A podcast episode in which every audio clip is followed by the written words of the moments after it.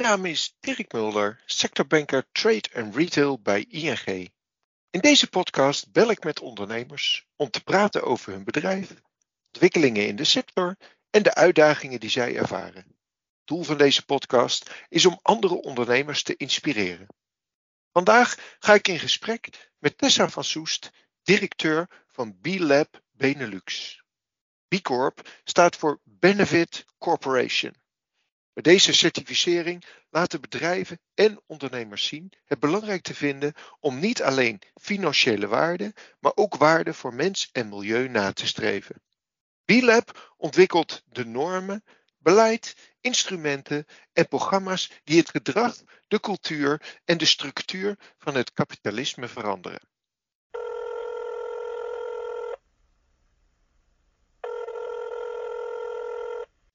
Goedemorgen, Tessa. Laten we maar direct beginnen. Kun je allereerst wat vertellen over jezelf? Uh... Ja, dankjewel voor de uitnodiging. Nou, mijn naam is Tessa van Soest. Um, ik ben uh, sinds een jaar de directeur van, uh, van het kantoor Benelux van B-Lab. B-Lab is inderdaad de organisatie achter onder meer het B Corp certificaat. Um, ik heb hiervoor al een lange carrière in de duurzaamheid uh, achter de rug, zowel in de for-profit sector als uh, duurzaamheidsmanager. Uh, maar ik heb ook bij een, een NGO gewerkt aan publiek-private samenwerking. Um, op het gebied van voedselketenverduurzaming. Uh, ik heb een tijdje gewerkt voor de Dutch Sustainable Growth Coalitie samen met uh, voormalig premier Jan-Peter Balkenende. Uh, dat waren vooral weer grote bedrijven waar we gezamenlijke programma's op het gebied van duurzaamheid op probeerden te zetten. Kortom, een heel breed palet. ook nog bij de SDG Nederland gewerkt aan de SDG's. Kortom, veel verschillende rollen. Maar wel altijd op is, duurzaamheid. Ja. ja. Ja, ik ben ooit begonnen als consultant, uh, business consultant. En na een tijdje aan uh, nou ja, procesefficiëntie uh, in de onder andere de financiële sector te hebben gewerkt, uh, begon mijn hart toch wel een beetje te roepen om, om echt een maatschappelijke impact of het liefst nog ook een groene impact te maken. Dus na mijn eerste um, baan in de, in de business consulting sfeer ben ik overgestapt echt op duurzaamheidsrollen. En waarom dan B-Lab? Wat vind jij zo mooi aan B-Lab? Nou, ik kwam bij B-Lab eigenlijk alles zo'n beetje tegen waar, ik, uh, waar mijn hart sneller van gaat kloppen. Ik kom hier tegen uh, heel geïnspireerde, gedreven mensen. Ik hoef niemand meer te overtuigen. Uh, ik kom hier tegen enorm innovatieve ondernemers die echt anders willen. Die ook daar echt in geloven en die ook echt mooie voorbeelden laten zien. Um, ik kom hier een jonge organisatie tegen die in beweging is. Dus uh, zeker niet arrogant om ook zelf continu naar binnen te kijken van wat kunnen we nog beter doen? Hoe kunnen we de standaard verbeteren? Uh, hoe kunnen we B-corps er nog meer helpen met hun impact? Of door hen samen te laten werken. Kortom, ja, dat is voor mij uh, alles bij elkaar uh, een fantastische combinatie. Inmiddels heb ik ook een uh, groeiend team van ontzettend leuke, slimme en enthousiaste medewerkers bij elkaar verzameld. Dus ja, we zijn hartstikke ge gedreven om, om de volgende fase voor, voor Benelux B Corps te ondersteunen. Daar gaan we het straks vast nog over hebben. Maar jij zei in het begin duurzaamheid is toch al een rode draad in jouw leven. Waar, waar komt die duurzame drive bij jou vandaan? Eh? Ja, dat is een goede vraag. Um, ik denk dat hij al best wel vroeg uh, begon. Uh, in mijn kinderjaren al. Ik, ik heb mij altijd een beetje. Ik ben altijd vrij nieuwsgierig geweest. Ik heb mij altijd dingen afgevraagd. En zo vroeg ik mij ook altijd af waarom er bijvoorbeeld zoveel plastic bekertjes op school achterbleven als de pauze was geweest. Of ik vroeg mij af waarom we wel eens uh, best wel veel uh, uh, ja, goed eten eigenlijk weggooiden als we thuis wat over hadden. Um, dus ik ben eigenlijk, ik heb mij meer vanuit een soort vragende vorm, denk ik, verwonderd over dit soort onderwerpen. Aardrijkskunde was mijn lievelingsvak op school. Um, dus daar zijn ook, denk ik, de eerste zaadjes geplant. Dat je wat breder kijkt naar de wereld. En dat je kijkt hoe in andere landen dingen gebeuren. Nou, en dan in combinatie met uh, de ontwikkelingen die we natuurlijk nu allemaal meekrijgen. Uh, zelfs de film El Gore was, ik denk dat ik een van de eerste bezoekers was die daar naar is gaan kijken. Ja, kortom, het zijn verschillende uh, ja, punten of momenten in mijn leven geweest. Waarbij het telkens weer duidelijk werd dat voor mij duurzaamheid nooit iets is geweest wat er maar tijdelijk was. Het was er altijd in mijn eerste rol, eh, in mijn eerste baan waar ik dat deed, uh, waar ik duurzaamheidsmanager was, kreeg ik nog wel eens die vraag van ja, maar dat gaat toch over en dat is een trend en dit en dat. uh, op verjaardagsfeestjes was ik altijd snel uitgekletst over mijn werk. Het ging meestal over mhm. andermans banen. Maar voor mij was dat altijd eigenlijk heel, heel duidelijk dat, er, dat, dat, dat dat juist een tijdelijke visie was. Om te denken dat duurzaamheid tijdelijk was. Dus ja. ja. ik weet niet. Het zit denk ik in de aard van een beetje. Nou ja, jij geeft al, al eh, gedeeltelijk aan, hè? maar, maar zie, zie je dus inderdaad de afgelopen jaren ook in jouw werk uh, uh, zeg maar verandering ten aanzien van hoe mensen tegen duurzaamheid aankijken? En hoe dan? Ja, dat zie ik wel. Ik, ik heb ook mijn momenten dat ik denk, goh, zie ik dat inderdaad nu wel? Maar nee, ik, ik, ik concludeer zeker dat, ik dat, dat we dat zeker de laatste, ik denk de laatste drie jaar misschien ook nog wel meer zijn echt dat er meer beweging is, dat er meer mensen geloven dat, dat er wel degelijk klimaatverandering is enzovoort. Um, ik zie ook dat er wat verandert, maar ik zie dat er hardnekkige krachten blijven bestaan die toch ook die verandering erg moeilijk maken. Uh, we hebben natuurlijk nu een tijdperk waarin uh, de regering ook met wet en regelgeving probeert uh, bepaalde veranderingen door te voeren. Niet alleen in Nederland, maar natuurlijk ook op Europees niveau. Uh, en dat is gewoon echt niet makkelijk. en, en, en de krachten die daar dan achter zitten, die zijn enerzijds natuurlijk heel progressief. Dat zijn misschien wel de NGO's die we allemaal kennen, die hun best doen om, om dingen aan het licht te brengen. Om, om, om um, ja, de noodzaak te onderstrepen. Maar er zitten ook nog steeds natuurlijk een heleboel uh, economische krachten achter grote bedrijven um, die niet zozeer de verandering willen doormaken. In ieder geval niet op de snelheid en de, het tempo waarmee dat volgens mij wel zou moeten. En waarmee ook wet en regelgeving een, uh, een drijvende kracht kan worden achter uh, verandering. En daar, ja, daar ben ik dus ook wel een beetje sceptisch over. Aan de andere kant ben ik optimistisch en uh, probeer ik ook vanuit mijn huidige rol, en dat heb ik ook op andere momenten in mijn leven geprobeerd, daar dus aan bij te dragen. En in mijn huidige rol is dat heel makkelijk, want we hebben dus die B Corp community van mm. inmiddels uh, meer dan 200 bedrijven in Nederland alleen al. En meer dan 6.500 wereldwijd. Waar we gewoon een echt proven cases hebben van businessmodellen die, die anders zijn ingericht. Mm En dat heeft, uh, ja, dat heeft denk ik wel een overtuigingskracht. Ja. Ik had onlangs een Tweede Kamerlid op bezoek, waar we dan ook zo'n verhaal weer uh, mee delen. En uh, ja, die vraagt ook echt van, goh, dit is ontzettend interessant. Dit zou je meer moeten gaan doen, meer delen, want dit zijn de voorbeelden die we nodig hebben, ook in de politiek. meer delen richting de politiek bedoel je? Of meer richting de grote ja, organisaties ja, niet alleen richting de politiek, want ik denk dat, uh, de, hè, denk dat bedrijven uh, juist heel veel veranderkracht in zichzelf hebben of, of eigenlijk aan, hè, aangemoedigd worden door hun peers of door sectorgenoten of in de, in de supply chain uh, hè, waar ze mee werken. Eh, dat ze aangemoedigd kunnen worden tot verduurzaming of tot veranderingen. Uh, dus het is zeker niet alleen de politiek die daarvoor nodig is. Uh, maar ook op die fiets, hè, in die aanmoediging onderling, biedt bijvoorbeeld de community van B Corps natuurlijk een hele grote inspirerende bron. Dus een bron waar, hè, dus, dus ik bedoel, de ervaringen onderling delen. dat gebeurt en dat gebeurt snel. Dat gebeurt, hè, ze vinden elkaar makkelijker is ook een van de voordelen, denk ik, van een B Corp uh, certificering en, uh, en, het label. Um, dat, die, dat die ondernemers elkaar weten op te zoeken, van elkaar leren en ook dingen met elkaar uitwisselen. Van goh, waar loop jij tegenaan en hoe kunnen we elkaar helpen? Mensen willen werken voor, kopen van en investeren in bedrijven waarin ze geloven. Een duurzaam beleid wordt voor bedrijven daarom steeds belangrijker. De overheid, maar ook grote internationale bedrijven zouden hierin een voortrekkersrol moeten pakken. Toch is de algemene kritiek dat juist die grote bedrijven moeilijk in beweging komen. Het mag allemaal best wel een tandje harder. Hoe kijkt Tessa hier tegenaan? Ik wil alle, alle grote bedrijven zeker niet over één kam scheren, want uh, dat is, zou, zou echt een heleboel. Uh, dat zou niet, niet terecht zijn. Dus wij zien ook in onze, onze community van B Corp natuurlijk uh, dat er echt een hele grote diversiteit aan bedrijven gekozen heeft om een B Corp certificering te behalen.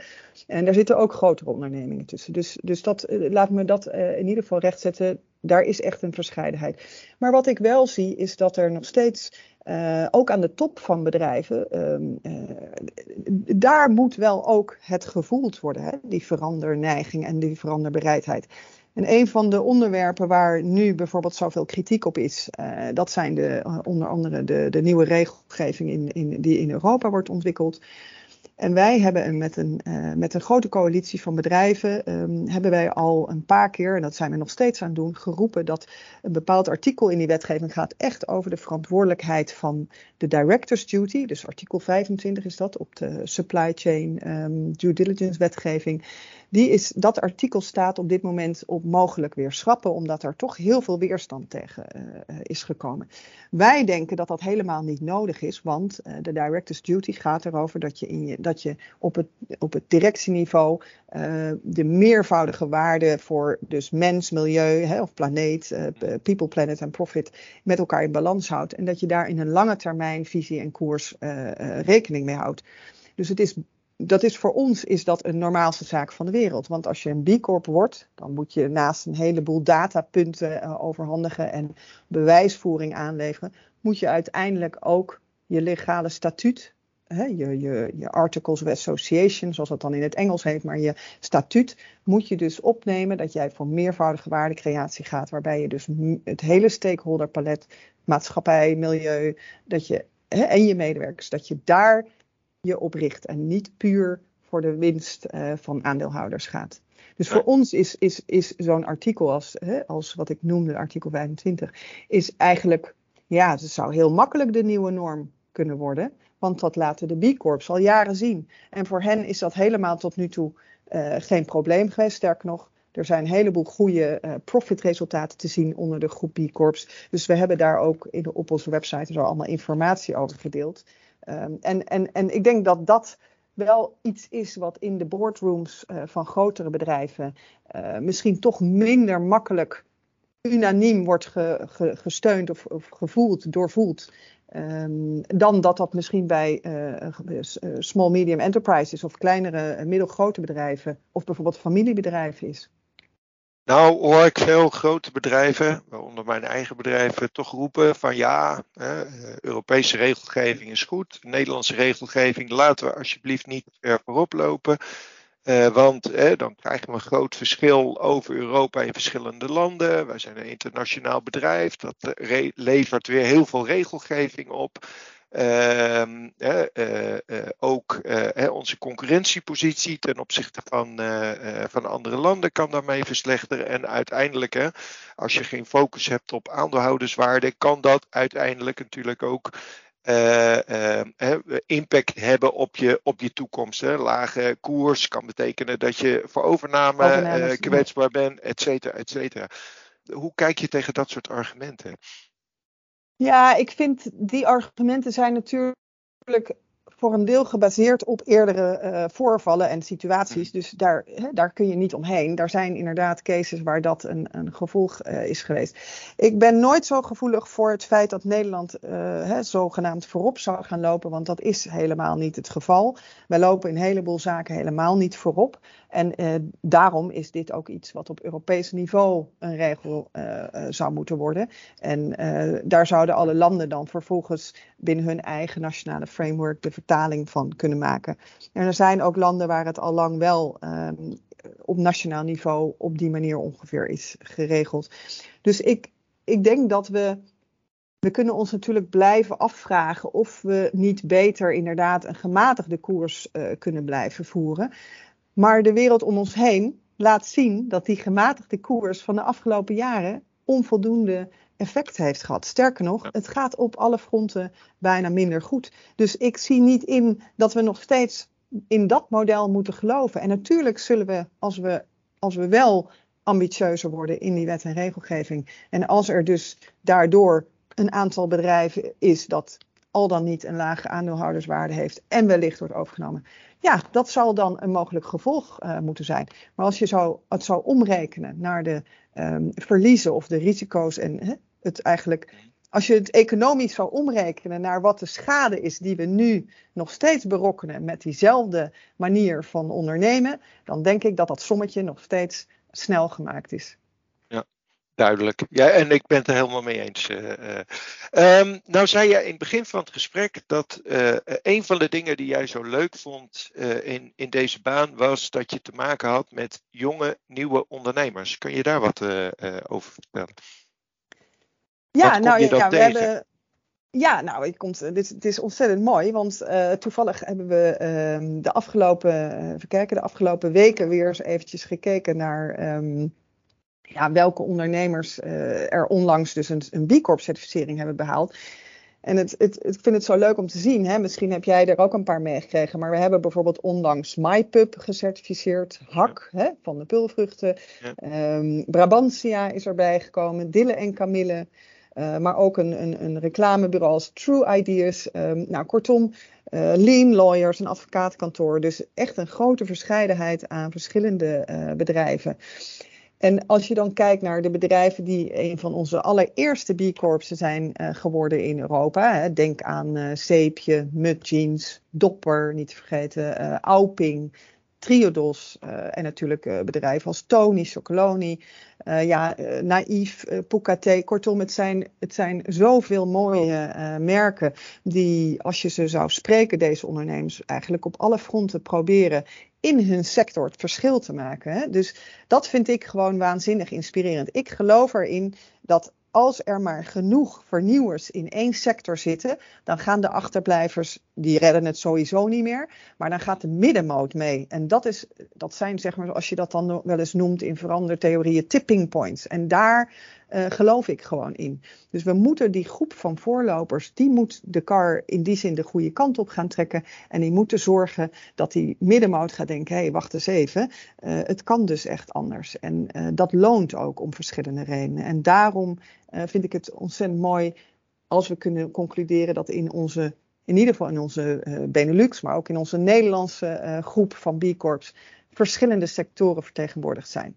En daar doen we ook ons best voor, want we, uh, we willen ook graag bijvoorbeeld op bepaalde sectoren nog meer bekend worden. Een van die sectoren is bijvoorbeeld de agri-food uh, sector, dus de, de, de voedselketenverduurzaming. Uh, um, ik denk dat, daar, dat dat ook iets is wat, uh, wat past bij ons land. En daar is natuurlijk ontzettend veel nog winst te behalen. Dus ik, ja, ik ben ontzettend blij en ik heb de uitnodiging um, nog om verder te praten met HAK bijvoorbeeld, omdat zij ook in die um, in die hele waardeketen uh, nog wel degelijk zien dat daar uh, een, een, stap te zetten is op het gebied van kennis, op het gebied van de hoe-vraag. Dus kennis over duurzaamheid is één, maar als je ondernemer bent, ja, dan heb je wel heel veel aan kennis. Maar je moet vooral weten hoe dan. En daar is denk ik uh, nog onvoldoende bekend dat het B Corp certificeringsproces dat we eigenlijk hele mooie tools hebben om ondernemers te helpen. En, en dat is ook zo, daarom vind ik het ook zo leuk dat ik bij jou nu dit verhaal Het verhaal met veel enthousiasme. Nou, roepen jullie ook, hè, want we hebben het nu over uh, B Corp, dat, maar B Corp is geen certificaat, zeggen jullie. Het is meer een organisatievorm. Wat, wat bedoel je daarmee? Nou, ik zou het eerder zeggen, ja, het is een organisatie meer misschien een, een, een filosofie of een performance system, als je het uh, iets zakelijker wil noemen. Um, wat we daarmee bedoelen. Kijk, men ziet het B Corp label staan op, in de krant, op een website, op een, soms op een product. Maar daar zit een heleboel achter. Dus voordat je daar komt, moet je als ondernemer begin je eigenlijk, zeggen we altijd, begin nou eens gewoon met je eigen self-assessment. Daar hebben wij een tool voor ontwikkeld, die is gewoon toegankelijk, gratis op internet, de B-Impact Assessment. Dat is in principe een vragenlijst waarmee je eigenlijk direct een soort spiegel voor krijgt van waar sta ik op het gebied van uh, de vijf thema's governance, milieu, werknemers en de klant, mijn klanten en de gemeenschap op die thema's krijg je een inzicht, hé, hey, wat doe ik al, maar wat doe ik nog niet? Dat is heel concreet. Op het moment dat je dan denkt, hé, hey, dit, uh, dit, hier, hier kom ik eigenlijk al een heel eind, uh, zit ik al op de goede weg. En ik zou wel heel graag uiteindelijk een B Corp certificaat willen. Dan kun je daar dus voor, voor opgeven. Dan komt er een proces waarbij er natuurlijk heel veel uh, certificering, maar ook verificatiewerk moet uh, plaatsvinden. Dus er wordt gekeken door analisten of datgene wat jij zelf zegt ook klopt. Heb je bewijslast? Ben je te optimistisch? Ben je te pessimistisch? Kortom, daar vindt dan een heel proces plaats, een uitwisseling. En aan het eind van de rit, als we dan de goedkeuring hebben gegeven, overigens betekent het ook dat wij altijd eerst een risicoassessment doen en ook nog een soort we kijken ook of sommige sectoren zijn bij ons staan op een soort, je zou kunnen zeggen, een soort zwarte lijst. Die mogen niet, daar mogen de bedrijven niet van gecertificeerd worden. Maar goed, dat is een kleine groep. Het merendeel kan dit uh, gewoon aanvragen. En aan het eind van de rit stellen wij nog twee vragen. De ene vraag gaat over pas jij jouw statuut aan, zoals ik net al toelichtte. In het statuut moet die meervoudige waardecreatie voor meerdere stakeholders staan opgenomen. Um, dus dat is iets wat tot op directieniveau ook moet worden goedgekeurd. Um, en we, stel, we, stellen de vraag: wil jij de Declaration of Interdependence ondertekenen? Nou, dat is wat ik noemde een beetje een filosofisch beginsel, maar dat is wel degelijk een soort leidmotief, een, een, een, een principe wat wij met z'n allen voordragen en voorstaan. En op het moment dat je dat dan onder, onder je ogen krijgt, denk ik wel dat je, uh, dat je het echt iets anders ervaart dan puur een checklist van vragen. En daarom vinden wij dat wij het B Corp label uh, tekort doen als wij zeggen het is puur een, uh, een soort checklist. Nee, het, het houdt echt meer in. En we merken ook dat het natuurlijk maar voor drie jaar geldig is. Dus dat betekent dat als jij het behaalt, dan ben je eigenlijk alleen maar het eerste jaar ben je als het ware daar heel blij mee. Want in het mhm. tweede jaar komen wij al met uh, suggestie van, goh, hoe gaat het? Uh, ben je alweer aan het kijken naar je volgende certificering? Of kunnen we je daarbij helpen? Of willen je in contact brengen met andere bedrijven? Um, kortom, dat proces gaat eigenlijk vaak automatisch al, uh, komt eigenlijk automatisch al los bij, bij de onderneming. En dan na drie jaar moet je je hercertificering doormaken. En verwachten wij ook, en dat wordt in de, we zijn ook bezig met de standaard te vernieuwen, maar in de nieuwe standaard wordt het ook een verplichting dat je dan een verbetering laat zien. Gelukkig op dit moment zien we dat al. Dat effect mhm. wordt vanzelf eigenlijk aange, uh, of, ja, aangejaagd, zou ik zeggen. Dus dat effect ontstaat nu ook al. Dat we zien dat B Corps in hun hercertificering een hogere score halen, meer uh, uh, hun, hun, bedrijfsmodel verder verbeteren op het gebied van uh, impact. Maar in de nieuwe standaard zal dat ook een verplichting worden. En wij vinden dat ook een heel belangrijk element, want daarmee ga je dus eigenlijk zo'n hele cyclus door van, ja, ik noem dat dan wel eens plan, do, check, act en improve. Hè? Dus het wordt echt zo'n performance management cycle. En dat helpt natuurlijk, want daarmee, um, ja, dat helpt om, om telkens te kijken dat dat je blijft ontwikkelen en dat het niet een eenmalige exercitie is van een willekeurige persoon in de organisatie. Dat kan dus ook betekenen dat je B Corp ingetrokken wordt, uh, je, je, certificaat, uh, uh, zeg maar. Bij de hercertificering bedoel je? Bij de hercertificering, ja. Ja, dat zou op papier, dat zou zeker kunnen. De B Impact Assessment onderzoekt de impact van een bedrijf op zijn werknemers gemeenschap, milieu en klanten. De B-Impact Assessment stelt ook vragen over de bestuursstructuur en de verantwoordingsplicht van een bedrijf. Over een periode van drie jaar wordt de ontwikkeling gevolgd, waarna hercertificering volgt. In theorie kan dat betekenen dat het certificaat wordt ingetrokken. Wat is hierin de rol van B-Lab? Ja, wij doen dus we doen best veel. Want uh, voor, voor de hercertificering niet zozeer om ze erbij te houden. Nee, wat wij doen is, wij helpen bedrijven alleen maar met het, wat ik al zei, het aanmoedigen om op tijd weer te kijken van gewoon waar staan we nu? Wat hebben we, hè, wat, wat, waar kunnen we dus die verbeteren? Nogmaals, vanuit die certificering krijg jij, wordt die spiegel voorgehouden. Dus je krijgt heel goed inzicht uh, hoe jij het doet ten opzichte van andere bedrijven in vergelijkbare sectoren dat geeft je natuurlijk de ruimte om vervolgens in die drie jaar tijd ook zelf hè, aan de bak te gaan. En, uh, en, en aan het werk te gaan en, uh, hè, om, om meer te doen of om uh, dingen te verbeteren. Bij die hercertificering zien wij dat het proces, hè, men heeft het alles doorgemaakt, dus iedereen denkt natuurlijk van nou, dat wordt dan nu kat in het bakkie. Dat is natuurlijk niet zo. Om te beginnen kan het zijn dat de standaard iets is aangepast. Hè. De standaard is geen statisch geheel wat sinds 2006 toen die is ontwikkeld in Amerika uh, nooit meer is veranderd. Nee, die is een aantal keer al veranderd en zijn nu ook bezig met een wat grotere verandering. Dus het kan zijn dat er in de standaard voor die specifieke sector bijvoorbeeld hier en daar iets is aangepast. Um, en het kan ook zijn dat een bedrijf zelf veranderingen doorgemaakt heeft. Je kunt een, uh, een ander bedrijf hebben overgenomen of een nieuw, uh, nieuwe entiteit hebben ontwikkeld. Uh, kortom, dat zijn ook de dingen die bij de hercertificering even goed moeten worden ja, belicht om te kijken of het B Corp label en de, het certificaat opnieuw mag worden uitgegeven. Ja, um, B-Lab is dus de organisatie die uh, zeg maar het, het certificaat, uh, ja. Nou ja, de, de, kwaliteitscontrole houdt. Maar jullie doen veel meer. nou heb je denk ik al tijdens het gesprek een aantal dingen genoemd. Maar toch kan jij nog eens aangeven wat de, wat de rol van B-Lab is?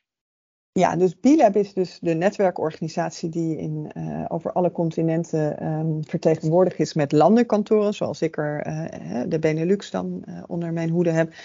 Um, wij zijn dus begonnen met die standaard, omdat, omdat dat hetgene was waarvan we dachten, ja, daar gaan we in ieder geval bedrijven mee helpen om op een andere manier hun onderneming te laten ontwikkelen of te ontwikkelen. Um, daarnaast hebben we gezien dat er ook ondernemingen zijn die nog niet zover zijn. Je zou kunnen zeggen die, die nog bezig zijn. Dus er zijn landen waar al hele uitgebreide groepen bedrijven meedoen aan een soort impact improvement. Dus eigenlijk een soort, uh, je zou kunnen zeggen, een soort programma om stapsgewijs jezelf wel te ontwikkelen. Zonder dat je op dat 80 punten niveau bent, maar daar bijvoorbeeld wel naartoe aan het werken bent. Er zijn ook initiatieven waar um, wij trainen ook zogenoemde B-leaders. Dus dat noemen wij even, dat zijn onze, je zou kunnen zeggen, onze, de verlengstukken van onze armen. Wij kunnen niet alle bedrijven zelf helpen, maar met B-leaders die wij zelf trainen, dat zijn eigenlijk consultants of, of, of uh, adviseurs die een bedrijf kunnen helpen om een B Corp certificering door te maken. En waarschijnlijk dat ook in te bedden in een breder duurzaamheidsprogramma. Maar dat verschilt natuurlijk per B-leader. En we willen ook, uh, we ondersteunen of we, ja, we leveren input voor, voor, uh, voor de policy, um, uh, dus de, de wet- en regelgevingskaders die worden ontwikkeld. Om een voorbeeld te geven wat ik net aan refereerde in de EU. We hebben de Interdependence Coalition opgezet. En die coalitie is dus al een aantal jaar actief om, dat, om juist op dat director's duty de agenda punten binnen de EU en binnen de beleidsmakers daar te, ja, uit te leggen, te verduidelijken, aan te geven hoe we dat bij B Corp doen.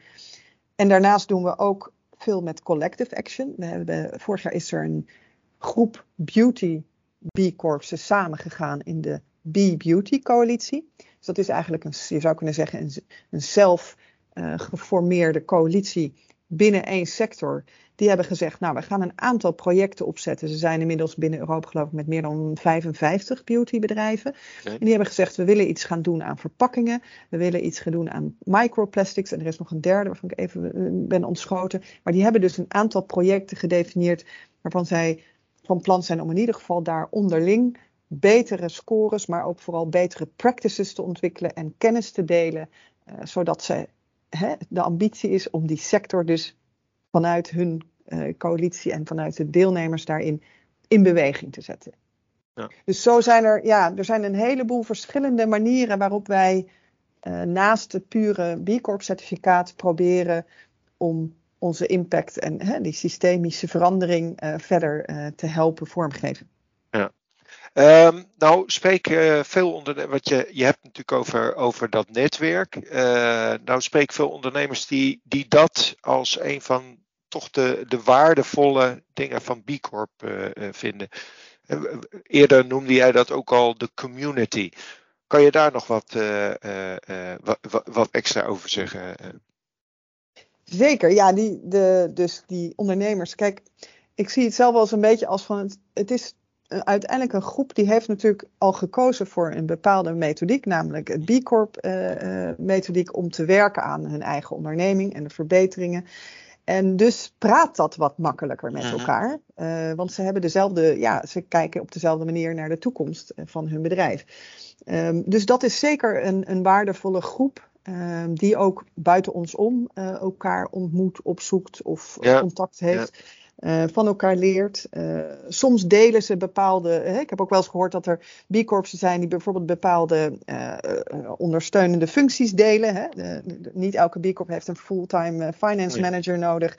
Nou, dan hebben ze bijvoorbeeld een finance manager die voor een paar B-corps werkt. Nou, dat, dat heb ik ook wel eens gehoord. Kortom, op verschillende levels wordt daar um, samengewerkt en. Um, worden, ja, ontmoeten. Wij zorgen uiteraard ook voor uh, bijeenkomsten waar ze elkaar kunnen ontmoeten. Dat doen we op verschillende niveaus. Soms zijn het alleen de, de, de founders of de CEO's, de directeuren. Maar op andere momenten zijn dat juist de, de groep medewerkers die bijvoorbeeld wat meer uh, betrokken zijn in het hele B Corp verhaal. Dus daar hebben we verschillende ehm, ja, momenten voor en we, we zorgen voor ehm, sessies ook online. Hè. Dat is natuurlijk nu helemaal uh, tegenwoordig heel makkelijk. Uh, sessies, we hebben net een, maand achter de rug waarin we verschillende sessies hebben georganiseerd, onder andere over biodiversity. Hoe kun je dus beter omgaan met je biodiversity beleid, maar ook over greenwashing en het voorkomen daarvan. Dus wat is je ethical marketing uh, insteek? Nou, en dan hebben wij dus een hele uitgebreide groep aan experts die op verschillende fronten heel graag dat willen delen. En zeker ja. als het met andere B-corps is. Ja, absoluut. Dus daar is uh, een, een pool van kennis, zou ik ja. bijna willen zeggen. Ja, um, nou ja, en heel waardevol uh, uh, wat ik terugkrijg. En ik kan me ook wel voorstellen voor veel kleine ondernemingen dat het niet altijd uh, mogelijk is om overal experts over te hebben. Dus als je af en toe eens een keer kan klankborden, ja. is dat zeker heel waardevol. Jij noemde net nog iets anders, greenwashing. ik weet dat er, en, en dat is altijd een beetje uh, tegenstrijdige, denk ik, in uh, waar jullie mee te maken hebben. Aan de ene kant is het natuurlijk hartstikke mooi als je een grote organisatie hebt die B Corp achter zijn naam hebt staan.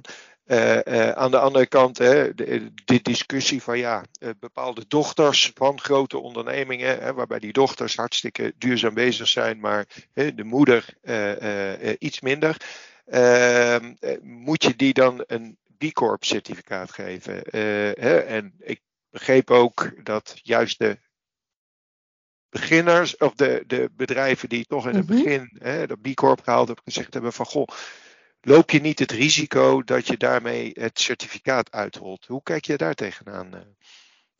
Ja, dat is natuurlijk een, een hele terechte vraag. En die is ook al breed uitgemeten uh, in, in kranten enzovoorts. En ja, ons antwoord is eigenlijk uh, altijd onveranderd hetzelfde. En dat is dat we hebben beide type bedrijven nou eenmaal heel hard nodig. Hè? Ik gaf al aan, het gaat niet snel genoeg. Dus de kleinere bedrijven die hebben een rol te spelen. Maar uiteindelijk ook grotere bedrijven. En nou is dat zeker niet zo dat grotere bedrijven um, een, makkelijker tot een B Corp certificaat kunnen komen. Want die indruk wordt ook nog wel eens uh, gewekt. Maar dat is absoluut niet waar. Mm-hmm. Dus ons proces is misschien nog wel rigoureuzer voor uh, naarmate de onderneming groter wordt. Um, wij, wij denken dat door juist die partijen samen te brengen, dus de kleinere, innovatieve, uh, nou, ik noem het wel eens de disruptors in een sector, om die juist aan tafel te zetten met grotere bedrijven. We zeggen ook wel eens, je bent een born bee, hè? je kunt als klein bedrijf kun je jezelf helemaal ontwikkelen, volgens de B Corp filosofie. Maar of je bent een, uh, in, hè, een, een, een B2B, zeg maar, dus een bedrijf wat in beweging is en wat aan verbetering wil werken. Er is ook geen enkel bedrijf is perfect. Hè? Dus we hebben ook bij kleine bedrijven zijn, zien wij dat daar nog ruimte is voor verbetering op, op welke van die vijf uh, facetten die wij onderzoeken. Uh, er zijn altijd mogelijkheden om daar nog te groeien en jezelf uh, te verbeteren. En op de grote bedrijven zien we dat uiteraard ook. En die stappen ook in met een idee van eigenlijk zijn we pas net begonnen. en dat is denk ik heel belangrijk om in gedachten te houden. Ze zijn pas net begonnen de driejaarcyclus van continuous, hè, dus voortdurende verbetering, die geldt ook voor hen. Uh, en, en daar wordt vervolgens met man en macht aan gewerkt, weet ik uit ervaring, ook bij de grotere bedrijven.